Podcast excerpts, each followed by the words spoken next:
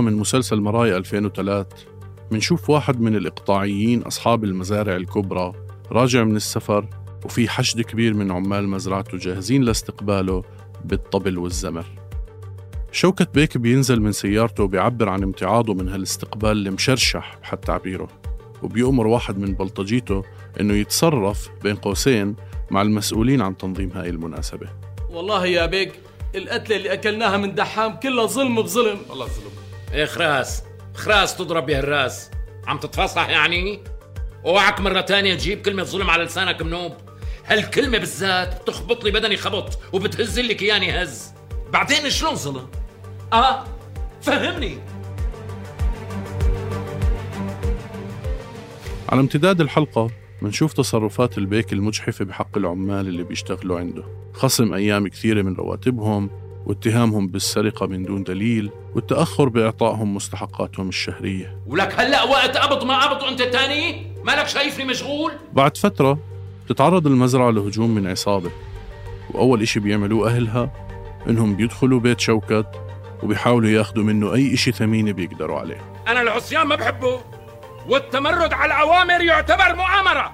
يلي عجبه الحكي عجبه ما عجبه يلاقي ضيعة ثانية يعيش فيها. الباب بيطالع جمال. يا ترى شو أوجه الشبه بين هاي القصة والثورة في سريلانكا؟ يا بترضى بهالواقع يا أما الباب بيطالع جمل شو قلتوا له؟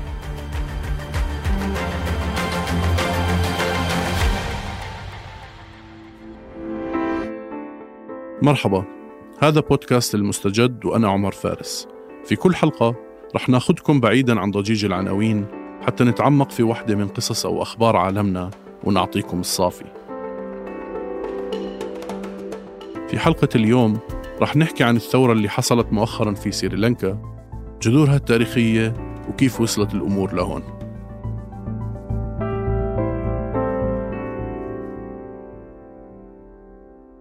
سريلانكا بعيدة عنا نوعا ما. يعني معظم تعاملنا مع ثقافة هاي البلد هو السياحة والعمالة الوافدة والبعض بيعرف إنها مصدرة للشاي اللي بنشربه كل يوم. ما بيطلع اسم سريلانكا بالأخبار إلا إذا في أحداث مهمة نادرة غير هيك ما بنسمع عنها إشي مؤخرا صدرت هاي الدولة العناوين بعد انطلاق مظاهرات في العاصمة كولومبو وغيرها من المدن بالطالب برحيل رئيس الجمهورية ورئيس الوزراء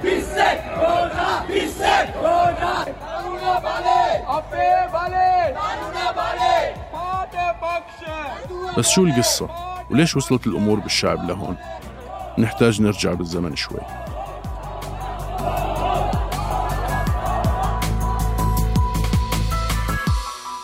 استقلت سيلان عن الاحتلال البريطاني عام 1948 وتغير اسمها إلى سريلانكا عام 1972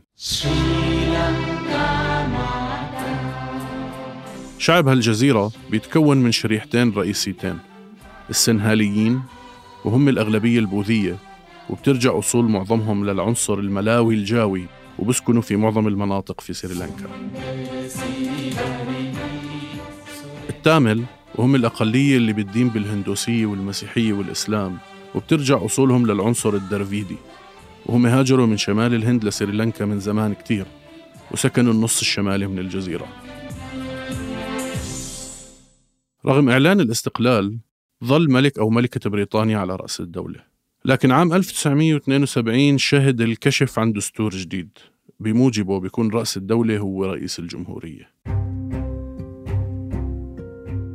منذ التحرر في مشاكل بين السنهاليين والتامل مثل لما أعلنت الدولة اللغة السنهالية لغة رسمية عام 1956 الأمر يلي أدى لصراعات مع التامل اللي احتجوا مقابل حقهم في اعتماد لغتهم رسميا أيضا. حتى بالآخر وافقت الحكومة على إعلان لغة التامل لغة رسمية في عدة مناطق في البلاد. بس المشكلة الأكبر في التاريخ الحديث في سريلانكا هي الحرب الأهلية بين الحكومة ومجموعة من الانفصاليين التامل يلي استمرت 26 سنة من ال 83 لحد ال 2009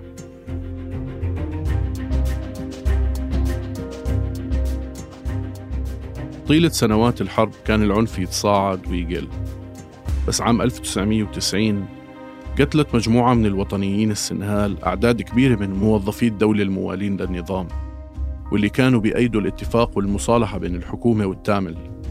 الأمر يلي جدد القتال بين ثوار التامل وقوات الحكومة وتسبب في قتل المئات من المواطنين.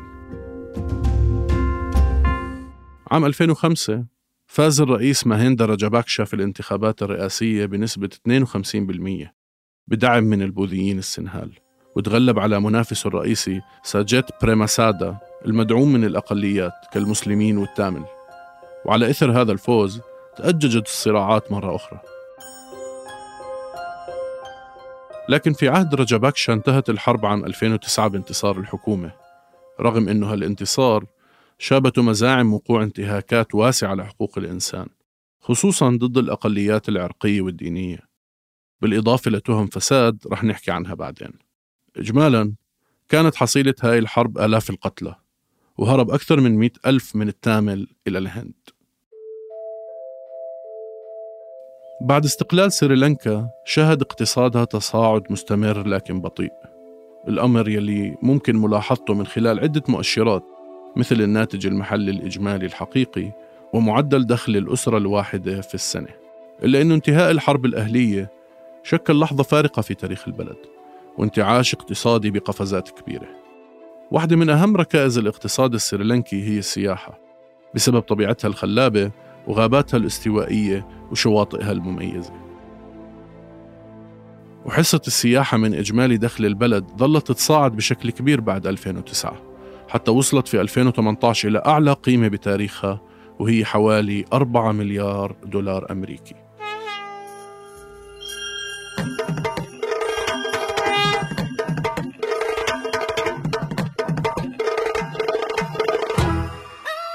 Sri Lanka is ambitious, fun, fierce. بس دقيقة دقيقة. قد يخطر لك عزيزتي المستمعة وعزيزي المستمع إنه القصة رايحة باتجاه سعيد ووردي. بيؤسفني أحكي لكم إنه الحلو ما بيكمل. زي ما حكيت لكم قبل شوي انتخب ماهيندا راجاباكشا رئيسا لسريلانكا عام 2005 وساهم بإنهاء الحرب الأهلية. وزي ما حكيت كمان وجهت اتهامات له بأنه اعتمد أساليب فيها انتهاك لحقوق الإنسان والأقلية التامل وأنه الفساد في عهده استشرى. رغم نفيه الشديد لهاي الاتهامات إلا أنه ممكن نحكي أنه عائلة رجبكشا خلال الحرب الأهلية احتكرت الحياة السياسية السريلانكية الرئيس قلب إدارة الدولة إلى بزنس عائلي. أعطى أخوه الصغير جوتابايا منصب رفيع في وزارة الدفاع وشغل أخوه الكبير تشامال في وزارات مثل الزراعة والثروة السمكية والري واستلم الشقيق الآخر باسيل منصب وزير المالية ووزير التنمية الاقتصادية. لكن في انتخابات 2015 خسر ماهيندا في سباق الرئاسة أمام ميثريبالا سيريسينا المدعوم من الأقلية الهندوسية والمسلمة والمسيحية في البلاد. برغم الفساد اللي داير بين الطبقة الحاكمة ومع تغير الرئيس ظل الاقتصاد السريلانكي في تحسن. لحد ما إجت سنة 2019 يلي دخلت الجزيرة بثقب أسود مش عارفة تطلع منه لحد هسه. أثناء عيد الفصح بشهر نيسان أبريل سنتها حصل حوالي ثمان تفجيرات استهدفت كنائس وفنادق ومرافق أخرى في العاصمة كولومبو وخارجها وجراء هالعمل الإجرامي انقتل حوالي 320 شخص وأصيب 500 تانيين. ألقت الحكومة اللوم بشكل غير رسمي على جماعة إسلامية غير معروفة اسمها جماعة التوحيد الوطنية. بعد كم يوم أعلن تنظيم الدولة الإسلامية مسؤوليته عن هاي الأحداث. أثرت هاي التفجيرات سلبا على الاقتصاد والسياحة. كثير مؤسسات ظلت مغلقة لعدة أيام بعد الحادثة. وهرب السياح من البلد وانخفض عددهم في الأشهر التالية بنسبة 70 و60% مقارنة بنفس الفترة من العام السابق. بعد كم شهر من أحداث عيد الفصح انعقدت الانتخابات الرئاسية في سريلانكا. الناس توقعت أنه الوجوه السياسية القديمة تستحي على دمها وما تترشح. بعد سنين من فشلها في حل الانقسام العرقي بين الأغلبية السنهالية والأقلية التاميلية. بس طبعا الحياة مش من سمات السياسيين. عشان هيك ترشح للانتخابات جوتابايا شقيق الرئيس السابق ماهيندا راجاباكشا وساجيت بيرماداسا المرشح السابق في انتخابات 2005 نجح جوتابايا ورجعت معه أسرة راجاباكسا لحكم سريلانكا وكعادتهم عملوا المحاصصة المعهودة. على سبيل المثال استلم أبناء ماهيندا الرئيس الأسبق عدة مناصب. تولى ابنه نامال منصب وزير الرياضة ويوشيثا مدير مكتب رئيس الوزراء. فوز غوتابايا كان نتيجة حملة انتخابية وعد فيها بتخفيض الضرائب والمزيد من الإصلاحات. إصلاحات رح تؤدي لتدهور البلاد لاحقا. يعطيك العافية معلم. شملت الإصلاحات تقليص قيمة بعض الضرائب وإلغاء بعضها الآخر بشكل كامل. الأمر يلي أدى إلى انخفاض إيرادات الدولة. خلصت 2019 ودخلنا في 2020 ودوامة جائحة كورونا يلي ضربت السياحة السريلانكية في مقتل. مما أدى لاستمرار تدهور هذا القطاع من أيام تفجيرات عيد الفصح. الجائحة ما أثرت على السياحة بس عشان جزء كبير من إيرادات سريلانكا جاي من حوالات عمالتها المهاجرة يلي كثير منها تسرح من عمله بهذيك الفترة. ومن الأشياء اللي زادت الطين بلة قرار الرئيس السريلانكي اللي اتخذه عام 2021 بمنع استخدام أي نوع من السماد في المحاصيل الزراعية. الأمر يلي اضطر البلاد لاستيراد محاصيل مثل الأرز من الخارج بدل ما تكون مصدرة إلها. وفي بدايات عامنا الحالي أعلنت الحكومة عجزها عن دفع فاتورة الوقود اللي بلغت قيمتها 75 مليون دولار أمريكي مما أدى لضرر كبير في قطاعات النقل وطوابير طويلة جدا للتزود بالوقود. حتى أن قوات الجيش انتشرت في محطات المحروقات نتيجة لتظاهرات السائقين. بتقرير لقناة الجزيرة عن الموضوع قابلوا أحد المتضررين من وضع الوقود.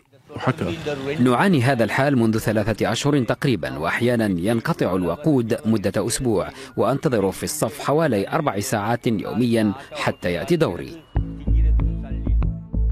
في منتصف أبريل نيسان من هذا العام أعلنت سريلانكا عجزها عن سداد ديونها الدولية بسبب الأزمة ووصل معدل التضخم لأكثر من 50% وأجبر ارتفاع أسعار المواد الغذائية بنسبة 70% العائلات على الحد من تناول الطعام. وانتشرت أخبار حول تأجيل المدارس للامتحانات للملايين من الطلاب إلى أجل غير مسمى بسبب نقص الورق. نتيجة لتردي الوضع الاقتصادي انطلقت في نفس الفترة مظاهرات بتطالب باستقالة كل من رئيس البلاد ورئيس الوزراء وتشكيل حكومة جديدة. تواجه سريلانكا أسوأ أزمة اقتصادية منذ استقلالها عام 48 من القرن الماضي. فنسبة التضخم بلغت قرابة 18% الشهر الماضي وحده. أمر تسبب في جدل سياسي واحتجاجات شعبية تطالب باستقالة الرئيس وشقيقه رئيس الوزراء.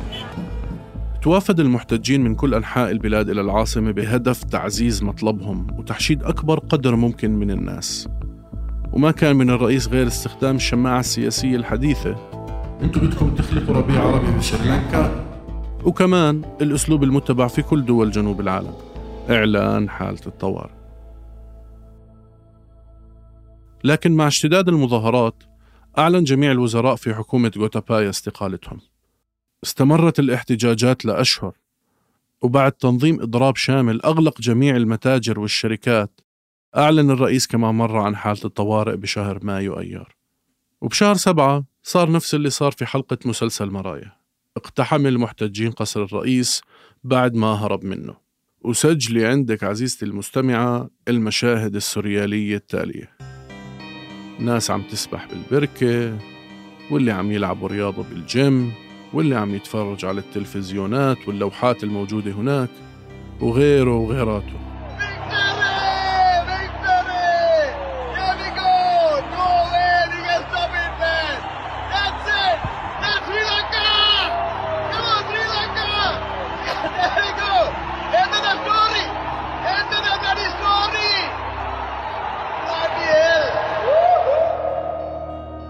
بعد أيام من الاقتحام وبعد شهور من رفض المطالب بتنحيه عن منصبه هرب الرئيس مع زوجته واثنين من حراسه الشخصيين واستقلوا طائرة تابعة للقوات الجوية السريلانكية لسنغافورة ومنها إلى تايلاند.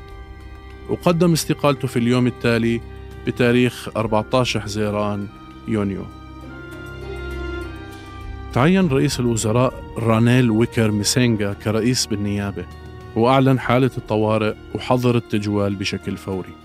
رغم أنه ما بيحظى بشعبية كبيرة بين المحتجين وكانوا بيطالبوا باستقالته مع رئيس البلاد.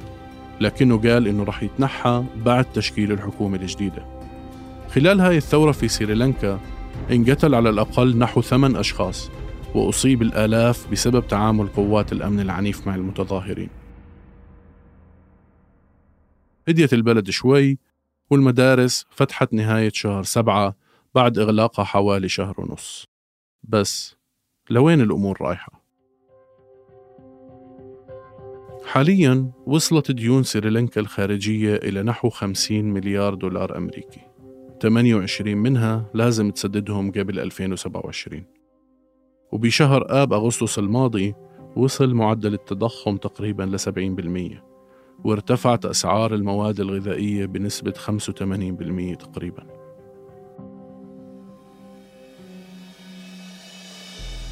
حتى أنه الهدوء اللي ساد بعد استقالة الرئيس السابق ما استمر ورجعت الاحتجاجات بعد ما أعلن الرئيس المؤقت قبل أيام عن قيود صارمة على مختلف أشكال التظاهر.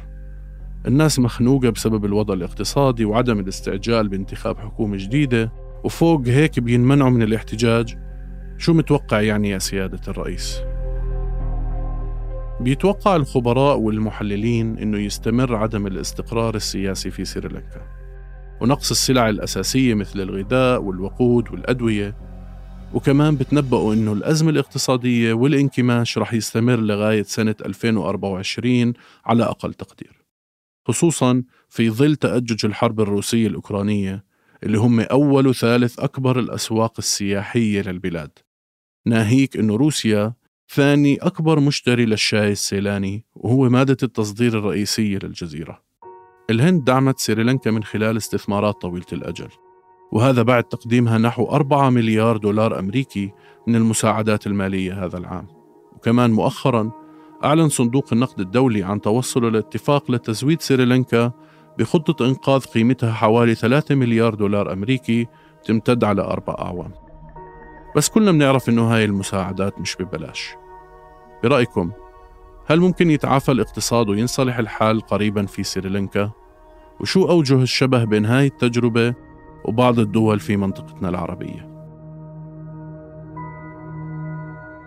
كنت معكم من الإعداد والتقديم عمر فارس من البحث ميس نصار ومن الهندسة الصوتية يزن قواس اشتركوا بقناة المستجد وين ما كنتوا عم تسمعوا هاي الحلقة لتوصلكم تنبيهات بالحلقات الجديدة. واستنوا فقرتنا المصغرة الأسبوعية المستجد جدا. بودكاست المستجد من إنتاج صوت.